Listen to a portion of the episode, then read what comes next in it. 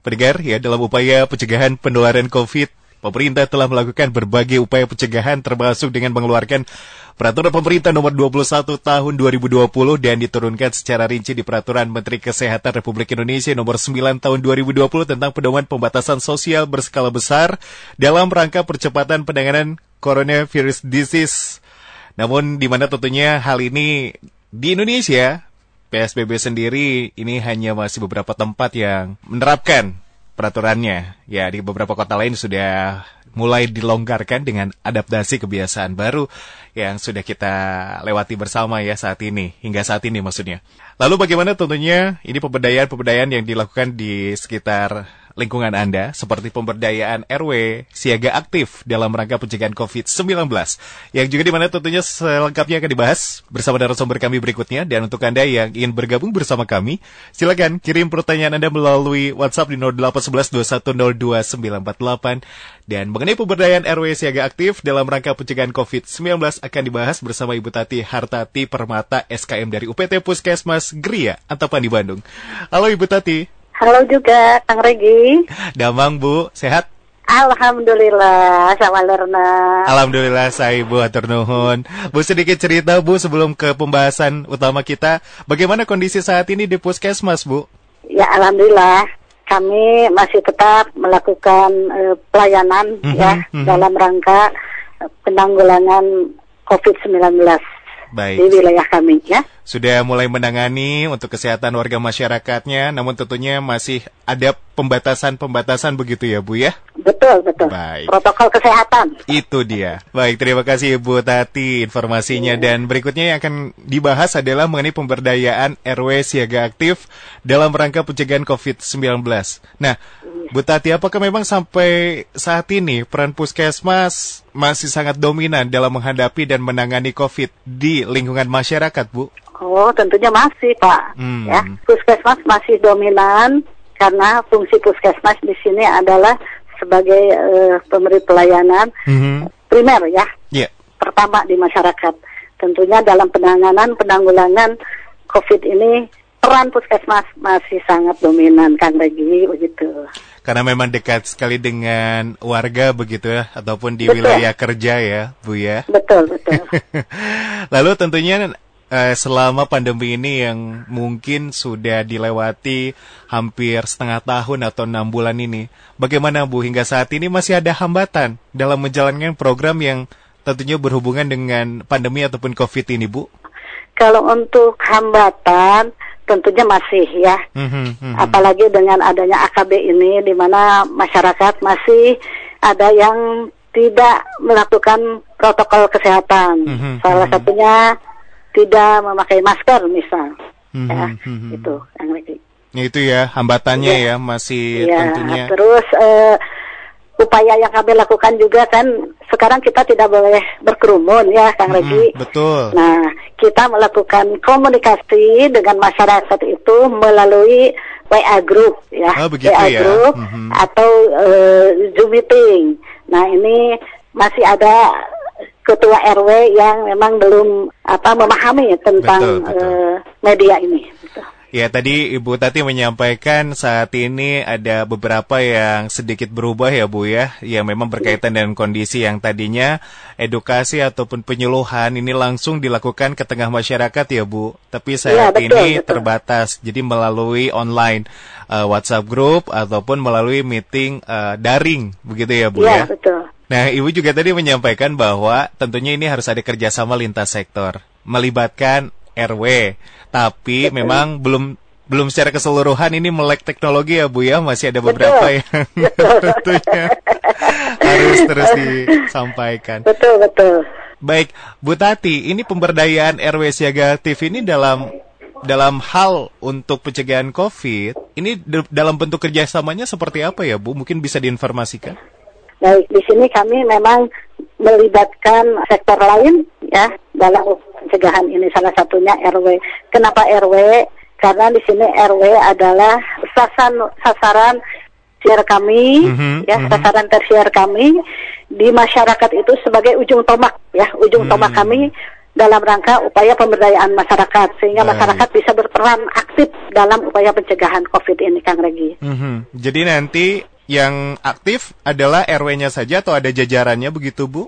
Ada jajarannya. Ini melibatkan semua tokoh masyarakat, hmm. ada tokoh agama juga ya di sini. Tentunya dengan lintas sektor pemerintahan yang lain, kelurahan, kecamatan, Kapolsek juga ya, Polres dengan Koramil juga ada. Hmm, jadi semua pihak ya Bu berperan. Semua pihak terlibat di sini. Dari kapan Bu untuk hal seperti ini eh, sama-sama uh, dengan satu visi dan misi? Ini kami lakukan dari mulai awal. Dari awal pandemi ya. ini. Hmm. Dari awal pandemi kami sudah uh, melakukan uh, apa pertemuan ya dalam rangka upaya pencegahan ini kan lagi. Baik, kalau memang ini dari awal sudah dibentuk sebagai bentuk kerjasama, Nah ini hingga saat ini sudah berjalan hampir enam bulan. Bagaimana Bu efektivitasnya atau mungkin apakah program ini tetap berjalan atau seperti apa Bu saat ini? Uh, masih, masih. Untuk program ini masih terus berjalan. Keberlangsungan program ini masih terus. Kami sebagai uh, pembina teknik terus melakukan pembinaan baik kepada RT, RW maupun kepada masyarakat. Mm -hmm, mm -hmm. Gitu. Ibu uh, ada data tidak Bu untuk Puskesmas Grianta Pandi sendiri ini uh, menangani ataupun mencakup berapa RW Bu? Uh, eh, RW kami ada 24 RW. Hmm. Menurut data sih ini paling banyak di Kota Bandung. Iya, itu banyak sekali 24 RW. Iya, bukan hal yang mudah. ada 24 RW. Iya, iya, iya, iya, iya. Bukan hal yang mudah ya Bu ya untuk iya. bekerja sama sebanyak itu luar biasa sekali. Iya. Uh, dalam waktu dekat apa yang akan dilakukan, Bu? Dalam waktu dekat, kami ini kemarin bekerja sama juga dengan pihak kepolisian ya, yeah. untuk menyiapkan sarana untuk isolasi mandiri ya yang terkena COVID dan mm -hmm. kami sudah bentuk itu di salah satu RW. Yeah. RW 18 itu dengan membentuk RW Kampung Lodaya Tohaga gitu Kang Regi. Hmm, ya ya ya ya ya ya. Jadi memang itu salah satu program dari pemerintah kota begitu ya Bu ya? Ya, betul betul. Baik. Lalu tentunya ini kan uh, dari tenaga kesehatan dalam artian puskesmas, ini kan mengedukasi uh, jajaran uh, seperti RW dan terus pejabat setempat dan mungkin para tokoh begitu ya Bu ya. ya seperti ya, apa edukasi yang disampaikan Bu? Ya, baik uh, Kang Regi ini kami dari awal sudah memberikan edukasi baik kepada ketua RW atau masyarakat langsung yang datang ke puskesmas mm -hmm, ya. Mm -hmm. Yang pertama tentunya kami sampaikan adalah tentang COVID-19 ini. Mm -hmm. Mulai dari gejala, cara yeah. penularan, pencegahan, kemudian bagaimana peningkatan imunitas begitu Kang. Lalu bagaimana respon dari warga masyarakat ini saat ini mengenai penyuluhan yang memang serba terbatas dan dengan bantuan teknologi tentunya Bu? Ya. Alhamdulillah masyarakat memberikan respon yang baik ya. Karena mereka juga ada kekhawatiran gitu ya. Takut tertular. Jadi mereka betul-betul mematuhi yang datang ke kami ya. Salah satunya adalah kami tidak memberikan pelayanan kalau tidak memakai masker dan itu masyarakat yang datang kepada kami sampai saat ini itu memakai masker itu salah satu contohnya. Nah, bagi ibu yang memang terjun langsung begitu ya setiap hari berada di fasilitas kesehatan atau memantau uh, cakupan wilayah kerja, bagaimana untuk masyarakat setempat bu dalam menerapkan protokol? Masyarakat setempat sejauh ini mereka juga memberikan respon yang baik karena kami mm -hmm, tadi mm -hmm. kami kumpulkan dulu ketua RW yang 24, kita berikan edukasi bagaimana upaya pencegahan penularan ini. Dan itu serentak diterapkan Kang Regi ya Baik. di semua RW, 24 RW bagaimana mereka melakukan mhm. upaya-upaya pencegahan uh, COVID ini secara serentak di wilayah masing-masing. Seperti yang ketahui bahwa memang wilayah Antapani atau wilayah kerja ibu ini kan banyak tempat umum ya Bu ya. Betul, betul. Padat begitu. Jadi ekonominya ya. pun berjalan dengan baik di situ hampir mungkin sampai malam begitu ya Bu ya. Iya, betul. baik, ini tentunya menjadi kekhawatiran sendiri mengenai ya.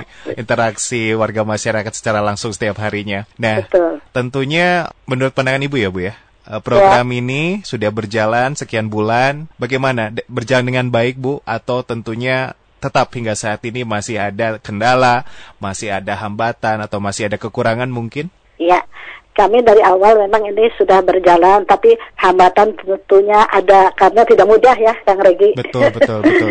tidak mudah kita ya melakukan pembinaan e, pemberdayaan masyarakat ini. Tapi kalau untuk RW-nya mereka sudah siap siaga ya semua RW kami di sini. Dan alhamdulillah kami memang di sini sudah terbentuk RW siaga hmm. sebelum ada COVID ini. Jadi 24 RW ini sudah terbentuk RW siaga. Kemudian untuk uh, hambatan uh, yang ada apalagi dengan adanya new normal atau AKB ini, yeah. nah masyarakat mulai berkerumun nih, Kang. Betul, ya, Bu. ya, tadinya di masjid sudah kita terapkan aturan protokol kesehatan mm -hmm, di mana mm -hmm melakukan ibadah di rumah saja, mm-hmm, tapi mm-hmm. tetap masih ada ya, tapi te- tetap masih ada yang melakukan uh, ibadah di masjid, tapi melakukan uh, social distancing tentunya dan okay. memakai masker, mm-hmm, gitu ya. Mm-hmm. Nah kalau sekarang sudah mulai nih, apalagi sekarang di Antapani itu ada Gasmin, Betul. tempat yang sangat strategis untuk masyarakat ya? di situ melakukan kegiatan olahraga. Nah ini yang agak susah ya betul, kita betul. ini. Jadi kita perlu kerjasama lagi dengan mm -hmm, pihak mm -hmm. RW dan kelurahan untuk penyampaian edukasi kepada masyarakat betul, betul. bahwa AKD ini atau new normal ini bukan uh, sudah normal, tapi tetap protokol kesehatan harus tetap dilakukan. Itu mungkin. Baik, Ibu Tati, terima kasih pemaparannya dalam hal ini memang harus uh, menjunjung kedisiplinan warga masyarakat ketika Betul. beraktivitas atau berada di area luar rumah begitu ya, Bu? Nah, ya? itu, itu disiplin masyarakat sekarang agak kendor.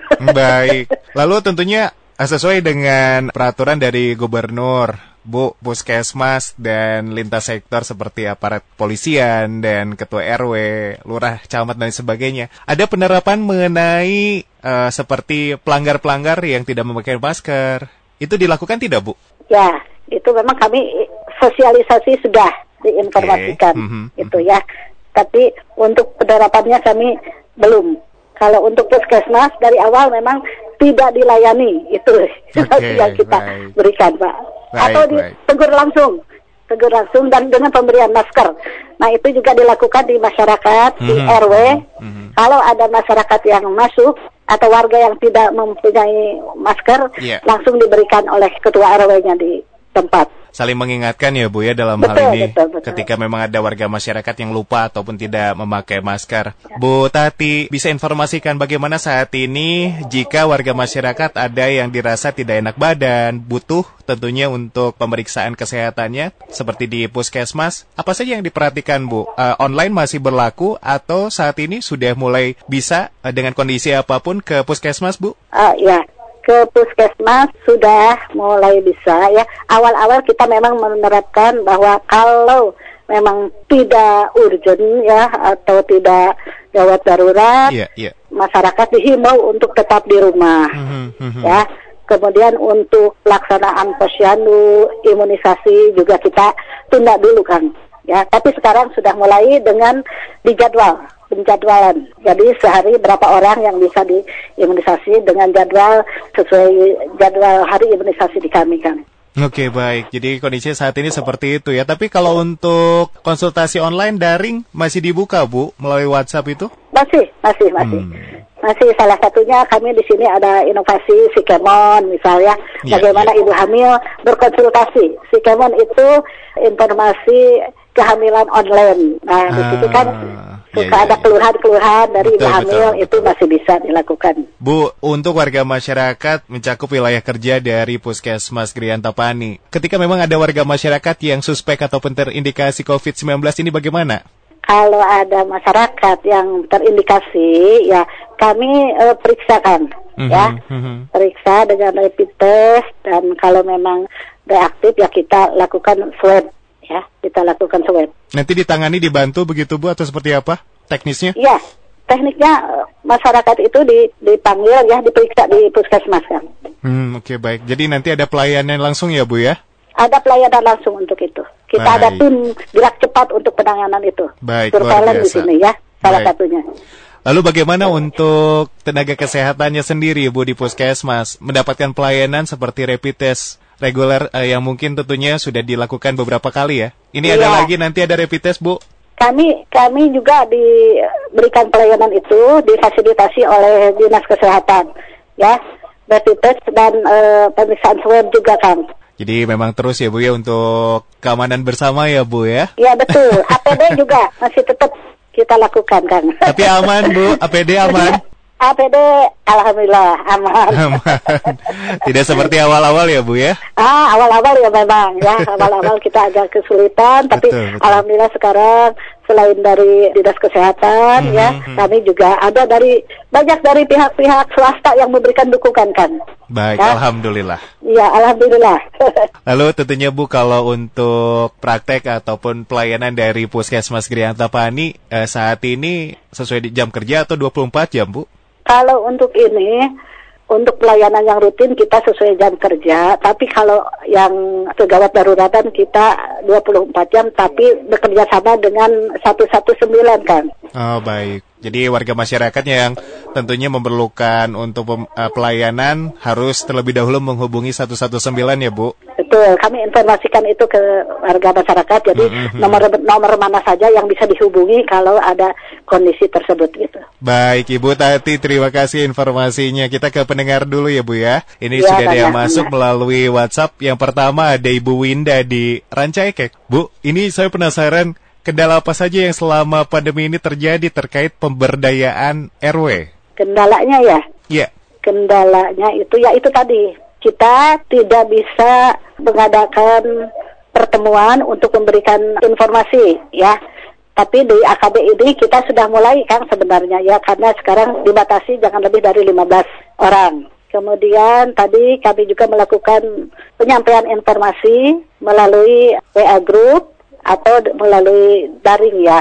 Nah itu salah satunya memang ada RW yang memang belum paham ya gitu. Jadi kurang lebih seperti itu kendalanya ya saat ini iya. memang. Ya. Baik Ibu Winda, terima kasih di Rajaikek. Ada Mas Ardi di Burangrang. Nah ini ingin bertanya, dari awal pandemi kan terjadi hingga saat ini perubahan apa saja pada masyarakat setempat Bu? Apakah semakin baik dalam menerapkan protokol kesehatan atau sebaliknya yang mulai abai atau mulai cuek begitu karena bosan? Iya.